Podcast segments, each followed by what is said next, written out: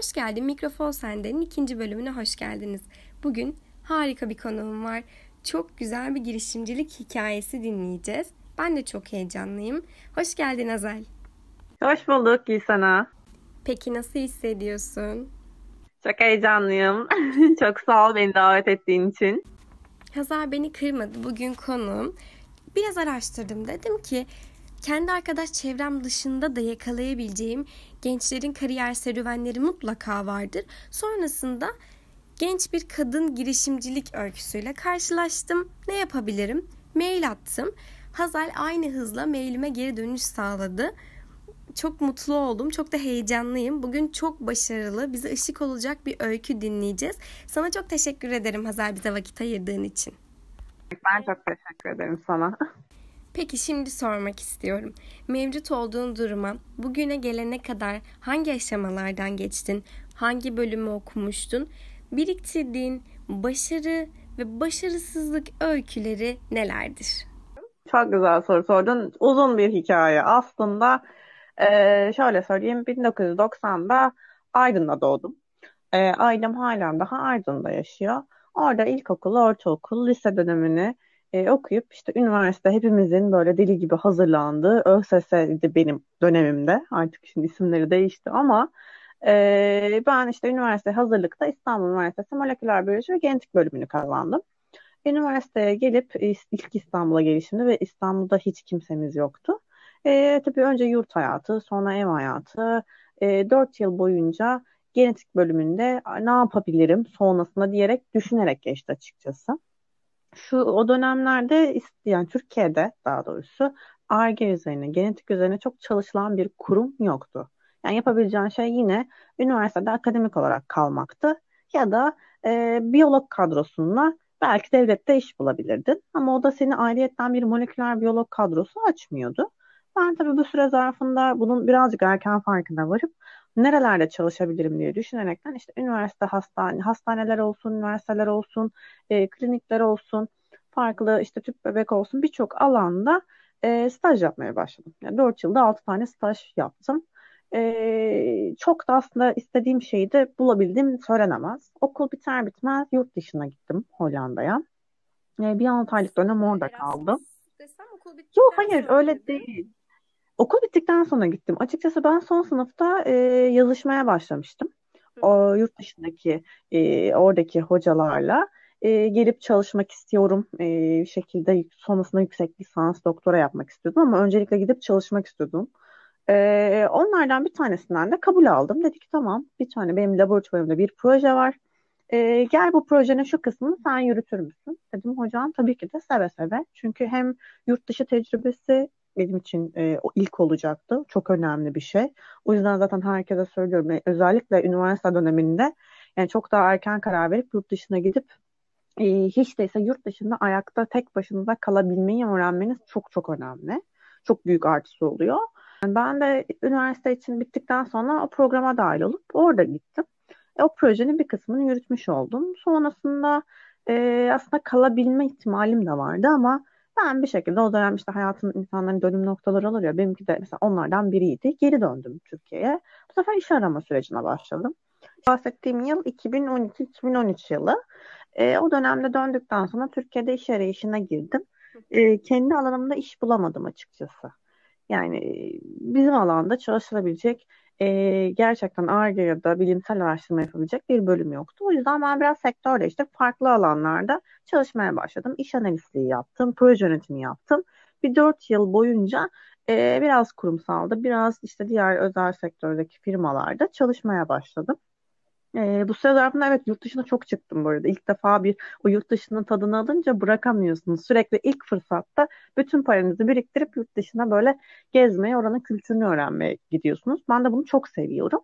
E, bu dönemde de birazcık e, İstanbul'dan çok soğuduğum bir dönem oldu. Yani üniversite bittikten herhalde 4 sene sonra falan oldu. İstanbul'dan çok soğuduğum bir dönemdi. İşim sonuçta artık kendi işimi yapmıyordum. Yani genetik okudum ama ben bitki genetiği üzerine çalıştım. Bunun üzerine çalışmak istiyorum. Gıdayı çok seviyorum. Mutfağı çok seviyorum. Bir şeyler üretmeyi çok seviyorum mutfakta. E, aydınlıyım demiştim. Ailem orada toprakla çok ilgili. Toprakla ilgili zaten bir birikimim var. Ee, dedim tamam ben bu işi yapmak istemiyorum. İstanbul'da da yaşamak istemiyorum. Ama bir yandan Aydın'a da dönemem. Çünkü orada da iş alanım yok. Ee, tabii yurt dışının da şeyini alınca hep benim aklımda Asya vardı. Asya kültürünü görmek, Asya kültürünü öğrenmek. Sürekli okuyorum, araştırıyorum falan. Ve dedim ki ben gideyim en azından bir 6 ay, bir sene, belki de 2 sene Asya'da e, böyle oradan da iklimi çok sıcak. Çok fazla tropikal şeyler yetişiyor. Toprak, tarım çok fazla var. Dedim ki ben buralarda çalışayım. Birazcık e, dedim bir türlü bir sürü iş bulabilirim. Zaten ekonomik olarak bizden de e, düşükler. Yani Türk parası orada biraz daha değerli. Öyle de olunca cebimdeki para dedim en azından zaten e, bir süre idare edebilirim. Akabinde de zaten her türlü iş bulur. Orada dedim oranın e, yaşam koşullarını çok rahat sağlarım. Çok böyle sıkıldığım bir dönem. Birazcık da böyle spiritüel hayata merak saldığım bir dönemdi. Ben böyle Cesurca bir adım gerçekten. Çünkü şu an atabileceğim hani bir adım değil. tabii oraya gitmek birazcık şey oluyor ama ya İstanbul'da o yoğun çalışma temposunun içerisine girince e, insan artık rutine de bağlanınca her şey biraz ondan sıkıldım sanırım. Biraz da sürekli merak bende hep olan bir şeydi. Ya gezeyim, öğreneyim, farklı şeyler katayım, farklı şeyler üreteyim. Rutine bağlanıyor olması hayatı beni birazcık açıkçası sıktı. O yüzden de biraz böyle bir arayış içerisindeydim. Neyse ben bir bilet alıp e, şeye gittim. Tayland'a gittim. Orada hemen hemen her şehri gezdim denebilir yani. 15 tane şehir gezdim. E, güzel de kaldım aslında. Böyle kalacak yer de buldum. Ne iş yapacağım da az çok kafamda şekillendi ama tarımla çalışacağım. Yani sabahtan bir çiftçi yani orada şey var tarım arazileri de var. Kendin de orada günlük olarak çalışabiliyorsun. Bayağı bildiğin mavi yaka işçi olaraktan yani. E, dedim bunu yapayım. Aynı zamanda dedim workshop düzenlerim. Türk yemeklerini yaparım. Onların yemeklerini öğrenirim. Otelde çalışabilirim. Böyle birçok şey yapıyorum. İşte gittiğim anda şöyle bir şeyle karşılaştım. E, orada Taylar e, sabah kahvaltısı onların bayağı akşam yemeği gibi bir şey. Yani peynir yok, süt yok, e, işte soyadan yaptıkları süt var. O benim çok damak tadıma uymuyordu. Zeytin yok, ekmek tüketmiyorlar. Ya bunların hiçbiri yok. Ben ilk dedim ya sana Hollanda'ya gittim diye çok komik. Hollanda'da hiç gittim mi bilmiyorum. E, Vaa kesinlikle gitmen lazım. Orası da çok güzel bir yer. E, Hollanda'da şey yapıyorlardı. Orada yaşarken öğlen yemeklerini, ben üniversitedeydim bu arada. Üniversitede e, bütün hocalar, profesörler bile evden böyle beslenme çantası gibi bir çantayla geliyorlar. İçlerinde de e, aynen aynen hiç kimse bundan gocunmuyor. Çok rahat. Zaten bisikletle gidiyorlar her yere. Düşün. Bir de sırt çantaların içinde beslenme çantaları var. Kesinlikle örnek alınması hem sağlığımız için. Yani kesinlikle. O yüzden o konuda çok inanılmaz takdir ediyorum yani. Ee, orada da yanlarında genelde sandviç tüketiyorlar. Ya bayağı ekmek arası sandviç. İçine ne koyarsan koy. Ve bir sürü envai çeşitli marketlerde sos satılıyor. Herkes bunu yapıyor. Ben artık buna e, alıştım. Onu tüketmeye başlamıştım. Bir ara sorduğumda da dedim ya niye sürekli böyle? Onlar bizim için bana şey dediler. Siz iki defa dinner yapıyorsunuz dediler. Düşündüm. Aslında haklılardı. Biz öğlen yemeğine de böyle sulu yemekler yiyoruz ya hani. Öyle olunca dedim haklılar yani biz sanki onların gözünde iki defa dinner yapıyormuşuz yani akşam yemeği yiyormuşuz gibi. Sezgisel yeme diye bir durum var aslında. İnsan acıktığında yemeğe gider. Biz öyle bir kodlandık ki sabah, öğle, akşam meyvesi, çayı beş vakit yemek yeme ihtiyacı duyuyor vücudumuz artık. Oysa pek de sağlıklı değil bu durum. Çok haklısın yani bence de keza aynı şey geçerli ama işte açlık alışkanlık mı diyelim kültür mü diyelim nasıl bir şeyse onlarınki de bu şekildeydi. Şimdi ben de tayilere şey diyorum. Onlar da sabah kahvaltıda bile gerçekten ağır bir yemek yiyorlar. Dedim ki siz de üç defa dinner yapıyorsunuz yani gerçekten böyle bir söz konusu. Coğrafyadan coğrafyaya inanılmaz değişiyor kültür. Tabii bu çok da hoşuma gitti sürekli öğrenmek bir şey yapmak ama ben uzun süre yaşamak istediğim için dedim ne kadar Tayı mutfağına adapte olsam dedim ben buna bu kadar adapte olamam. Çünkü süt benim hayatımda vazgeçilmezlerden biri. Yani süt, yoğurt, peynir bunlar hiç vazgeçilmezlerden biri açıkçası. Ee, öyle olunca da dedim benim bunlara ihtiyacım var. Ben bunları nerelerden getirebilirim diye araştırmaya başladım. İşte Hikayenin yakında böyle heyecanlı yerine geldik. aynen öyle. Ya yakındaki ülkelerden bulabilir miyim? Nereden getirebilirim? İşte un getirsen diyorum ki ekmeğimi kendim yaparım. Süt bulsam peynirimi yoğurdumu da yaparım. O kadar yani düşünüyorum. Türkiye'den dedim gelmez ya binlerce kilometre var. Bir de soğuk zincire ihtiyacı var bu ürünlerin. Ne yapılır ne edilir filan. E, hatta şeydir e, şimdi ben genetik okuduğum için e, hep böyle eşe dostla böyle konuşurken hiç genetikle alakası olmayan insanlarla birlikte tanıştım diyorum. Sohbet ederken ya işte bizim genlerimizi de değiştirsene gibi bir e, şakayla karşılaşırız hep. Herkes bir şeyleri değiştirmek ister çünkü hayatında. Böyle bir espri olur genlerle oynamak üzerine. Arkadaşlardan biri dedi ki ya genetik mühendis değil misin dedi. Şu şeyi dedi genine oynasana dedi. Hiç soğuk zincire ihtiyaç kalmasın. Biz onu taşıyalım demek istedi açıkçası. Sonra ben bunu düşündüm. soğuk zincire ihtiyacı olmadan biz bir şeyi nasıl taşıyabiliriz? Ya onun bozulmaması gerekiyor. Soğuk zinciri kırmamız gerekiyor. Bundan sonra bunu yapılabilecek de zaten bir gıdayı aslında bir saklama yönteminden bahsediyorduk. Gıdayı saklamak için de işte konserve yapıyoruz e, ya da kurutuyoruz. En önemli şeylerden biri kurutma. Sonra ki ben bunu nasıl kurutup uzun süreler saklayabilirim? Bir de bozmadan da kurutmam lazım. Yani şimdi peyniri kurutamam. E, ya da e, diğer ürünleri kurutup götürsem de yani belli bir süre dayanacak. Öğün zevkini vermeyecek. Aynen öyle. Değişecek sonuçta. Yapı değişecek, tat değişecek, her şey değişecek. Bununla ilgili nasıl yapabilirim diye düşünürken bu liyofilizasyon teknolojisi yani dry teknolojisi benim e, lisans döneminde öğrendiğim hatta bizzat da e, kullandığım bir teknolojiydi. Biz de hem ilaç kısmında kullanıyorduk hem de DNA RNA yapmak kısımlarında kullanıyorduk. Ben de dedim ki bu teknolojiyi şey yapabilirim, e, kullanabilirim. E, sonrasında tabii bunun üzerine araştırmaya başladım. Nasıl yapabilirim bunu? Türkiye'de var mı firma, kimler ilgileniyor bu alanda diyerekten e, bulamadım. Yani Türkiye'de bu alanda çalışan hiçbir firma yok. Üreten de ürün yok. E, prizren makineleri yapan da yok.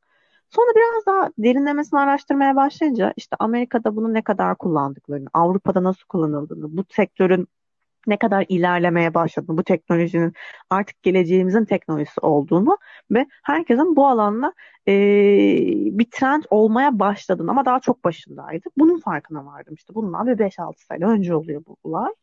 E, dedim ki o zaman benim de bu işe girmem lazım. Yani ben kendi ihtiyacım olan bir şey aslında ülkemizin de ihtiyacı olduğunu farkına vardım.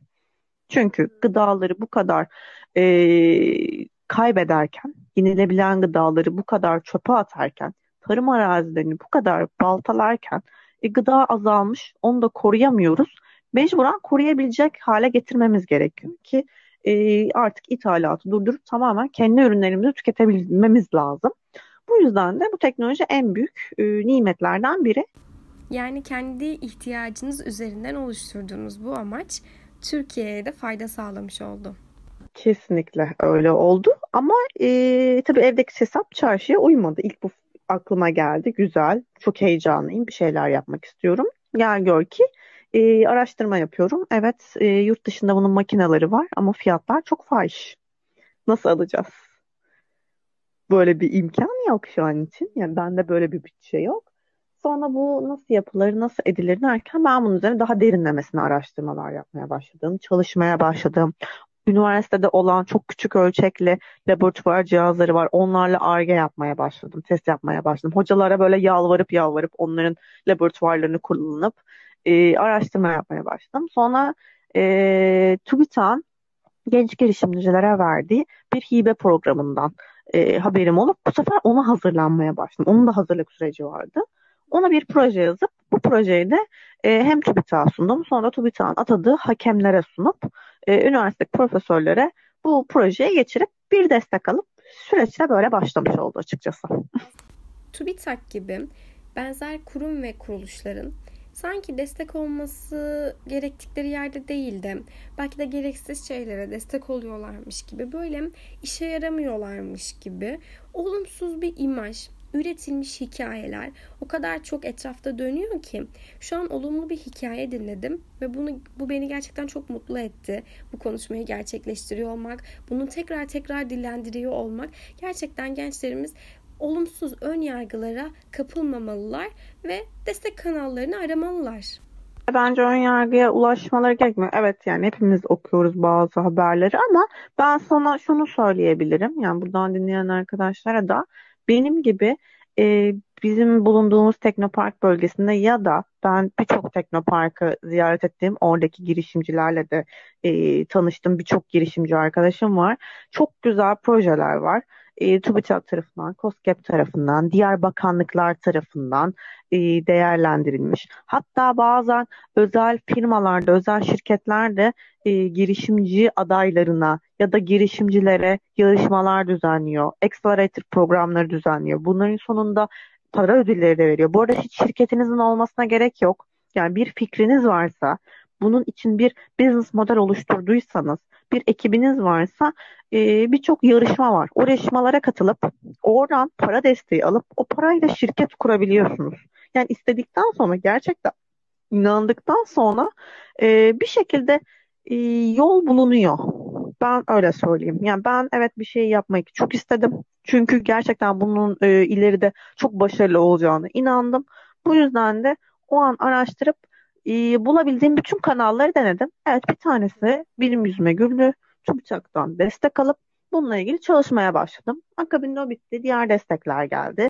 Eğer siz istiyorsanız gerçekleştirmek istediğiniz bir girişimcilik fikriniz, bir amacınız varsa Hazer'in de söylediği gibi bunun için fikrinize inanmalı ve onu gerçekleştirmek için farklı kanallar aramalısınız. Hazar böyle yapmış, kendi fikrine inanmış, ona sahip çıkmış ve bugün burada onun başarı öyküsünü dinliyoruz.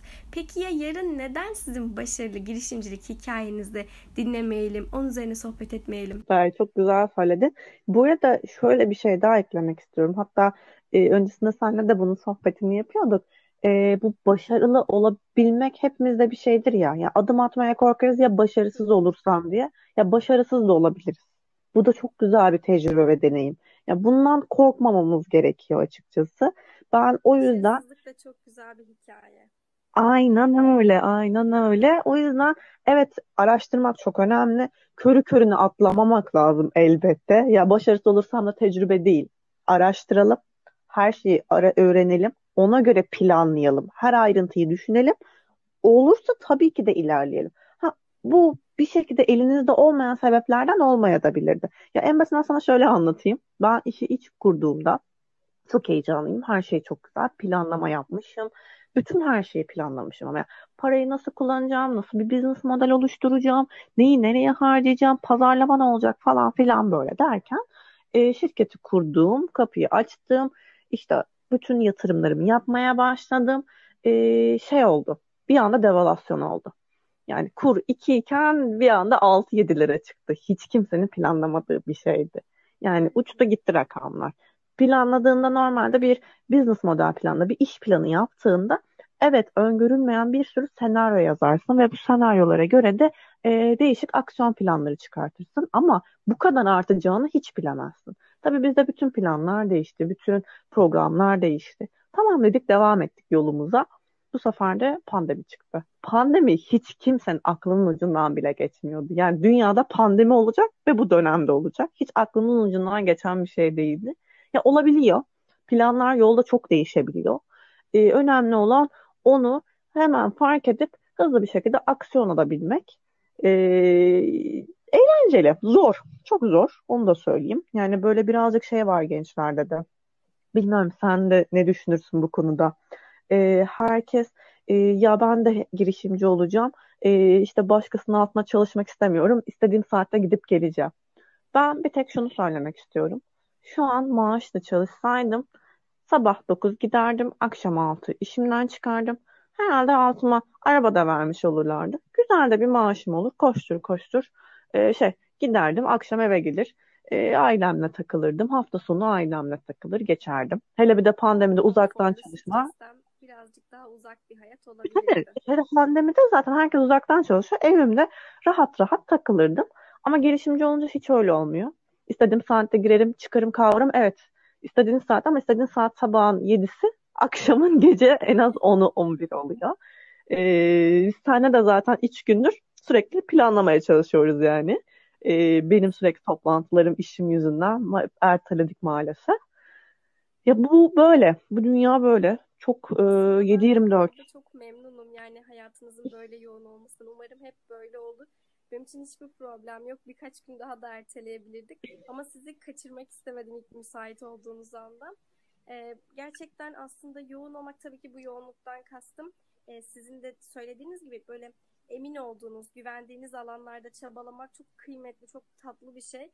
Yani yaşımız kaç olursa olsun umarım çabalamaya, bir şeyler e, üretmeye devam ederiz. E, böyle genç kalırız diye umuyorum hepimiz için. E, gerçekten çok haklısın. Bazen e, yani ben de kendimi şey yapmış oluyorum. Çok mutluyum. Ya bu kadar yoğun çalıştığım için inan çok mutluyum. Yani gece yatağa kafamı koyduğum anda bir şeyleri e, öğrendiğim için, bir şeylerde bir adım daha attığım için çok mutlu ve huzurlu uyuyorum. O kocaman zorlukları aşabilmiş olmanın tatminiyle alakalı bir huzur. Evet, kesinlikle öyle, kesinlikle öyle. Bunu bilerek girerse gençlerimiz e, çok daha ya hiç değilse hayal kırıklığına uğramamış olurlar öyle söyleyeyim. Kesinlikle öyle söylediklerinizin hepsine katılıyorum. Yarışmada kaldık, oradan devam edebiliriz. Ben e, yarışmaya başvurduktan sonra zaten kabul aldım TÜBİTAK tarafından. Ondan sonra Teknopark'ta şirketimi kurdum. Yani öncelikle zaten şirket kur, ondan sonra ben sana parayı vereceğim diye ilerliyor süreç. E, onay alıp ben şirketi kurduktan sonra zaten bir proje planı sunmuştum. Yani atıyorum 12 ay ne yapacağımı ben öncesinde TÜBİTAK'a sunmuştum. Sonra peyderpey zaten o sunduğum bütün projeye e, uygulayaraktan ARGE çalışmalarına başladım. ARGE çalışmalarının itibariyle de e, sonra ürünlerim ortaya çıkmaya başladı. Bu sefer de kapı kapı gezmeye başladım bu ürünleri satmak için. Ya orada da bazen planlarınız uymuyor. İlk e, neye, kime ne satacağım, hangi ürünleri çıkacağım, çıkacağım şeklinde e, bir sürü noktalar var tabii. Bunlar bazen yolda değişebiliyor. E, talebe göre ilerleyebiliyorsunuz. Bazen siz yeni bir yenilik getiriyorsunuz. Böyle başladı benim serüvenim. İşte bu süre zarfında birçok yarışmaya katıldım bu ARGE sürecinde. Yurt içinde ve yurt dışında yarışmalardan e, dereceler aldım, ödüller aldım. İki tane yurt dışında e, yarışmada birincilik alıp aslında orada bir e, şirketleşme sürecine başladık ama işte dediğim gibi pandemi çıkınca bizim mesela tüm süreçlerimiz maalesef askıya alınmak zorunda kaldı. E, geri dönüp süreci komple kapattık mesela şu an için. E, bütün programlar iptal oldu. Avrupa Birliği'nden destek alıyorduk. E, o yüzden bunu ertelemek durumunda kaldık mesela. Umarım bir an önce tekrardan şu an içinde İnşallah yani niyetimiz o yönde ama gidişatı bilemediğimiz için biz de tabii farklı e, planlamalar yapıyoruz. E, akabinde tabii TÜBİTAK desteği bitti. Arkasına COSGAP desteklerimiz başladı. Oradan destek almaya başladık. Yine Teknopark bünyesindeyiz zaten. Teknopark bünyesinde de dry gıdaları hem makinalarını hem de son ürünlerini geliştiriyoruz. Firmalara ARGE destekleri veriyoruz. Onlara e, danışmanlık verip eğitim programları hazırlıyoruz. Ben tekrar söyleyeyim. E, The Snack House e, bizim perakendedeki ürünlerimizin markası. House Freeze Dry'da aslında genel şirketimizin ismi diye düşünebilirsin. Balk olarak ürünleri buradan satıyoruz. Bir de makine üretiyoruz. Freeze Dry üretiyoruz. Evet anladım. Ee, ürünlerinizde de böyle mesela işte elma, peynir, çilek birçok ürününüz olduğunu e, görmüştüm incelediğimde. Ürün seçerken e, bunun sadece biyolojik bir altyapısı var mı yoksa en çok bu tercih edilir diyerek mi ürün seçiyorsunuz? Orası çok enteresan. Şimdi normalde e, mesela bizim yaptığımız peynirler, zeytinler piyasada olan ürünler değil. Aslında globalde de çok olan ürünler değil. E, dedim ya Tayland'da peyniri bulamadım, zeytini bulamadım, kahvaltı yapamadım diye. O yüzden benim ilk hayalim aslında bu peyniri zeytini yapıp denemekti. Ben bunları yapıp çok başarılı olunca e, ve zaten artık Türkiye'nin de bu, bu tarz teknolojiyi kullanması, daha inovatif, daha katma değerli e, gıda ürünlerini üretmemiz gerektiğini farkına varınca e, hep böyle içimde esas fikrin e, temelini oluşturan yerde ihtiyacım olan şey peynir, zeytin. Ben onları yapmaya karar verdim. Dedim ki herkes o zaman bu peyniri deneyeceğim, zeytin deneyeceğim. Hem biraz farklı olduğu için insanların ilgisini çeker. Akabinde işte dedim bir tane meyve olmalı. Bu da e, en tatlı böyle e, son üründe çok başarılı olduğunu düşündüm ve sürekli tedarik edebileceğim muz oldu. Talep edeceğini düşündüğüm. Bir de bamya turşusuyla başladım açıkçası yola.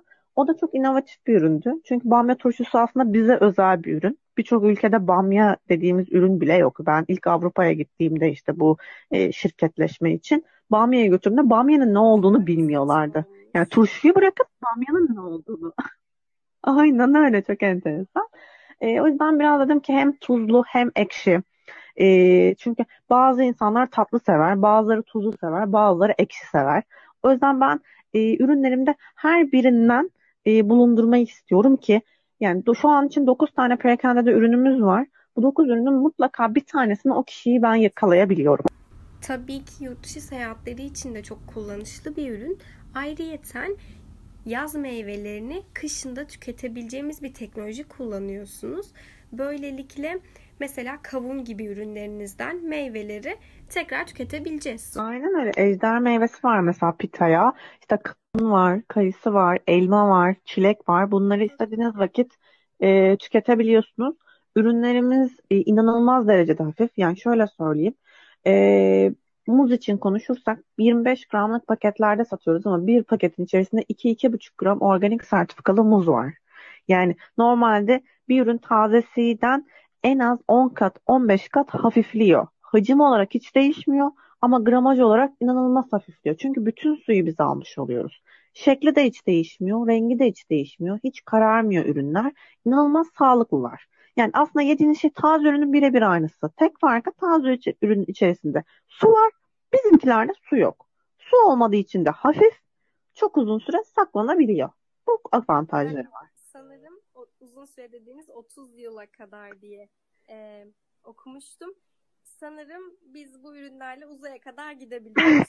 evet çok haklısın. Yani yıllarca aslında 30 yıl böyle bir şey olarak kaldı ama yani 29 yılda saklanır, 31 yılda saklanır. Ona engel bir durum söz konusu değil. E, bu teknolojinin zaten bize en büyük katkısı bu.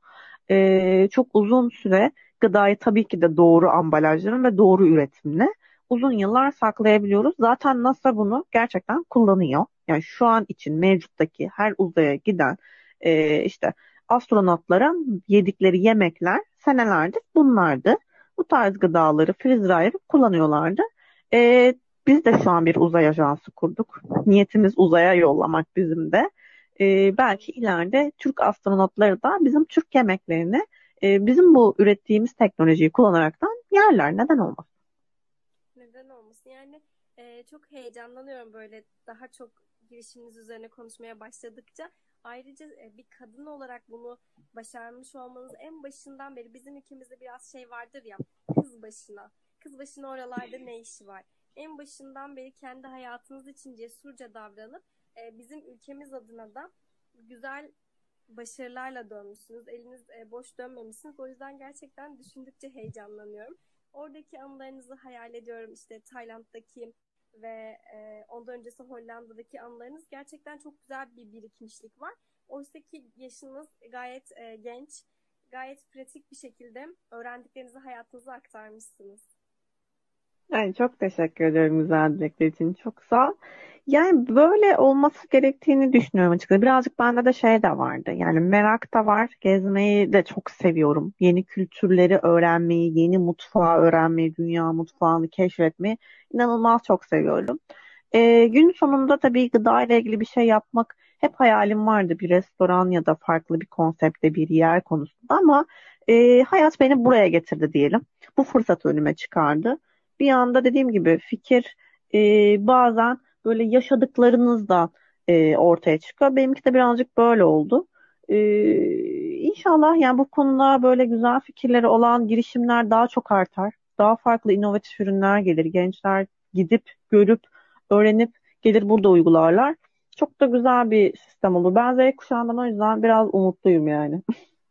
Söyledikleriniz, anlattıklarınız da gerçekten böyle sanki kendi yolumda aslında çok benzer alanlar değil e, çalıştığımız alanlar çok böyle kendi yolumun da aydınlandığını, içim çok ferahladığını hissediyorum gerçekten. Umarım bütün e, gençlerimizin yolları açık olsun ve hepsi sizin gibi cesur olsunlar.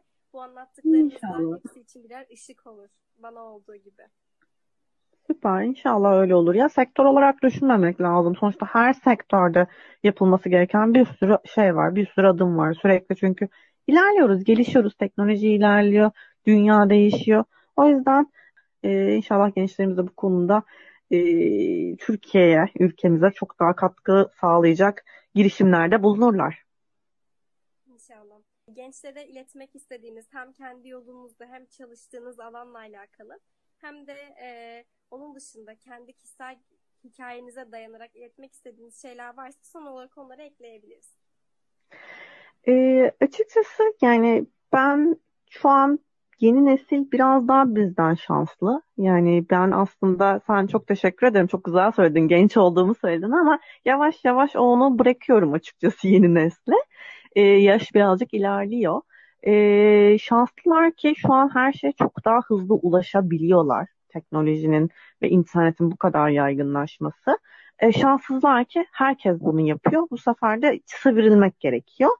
E, bu da sürekli okuyup geliştirerek olacak bir şey.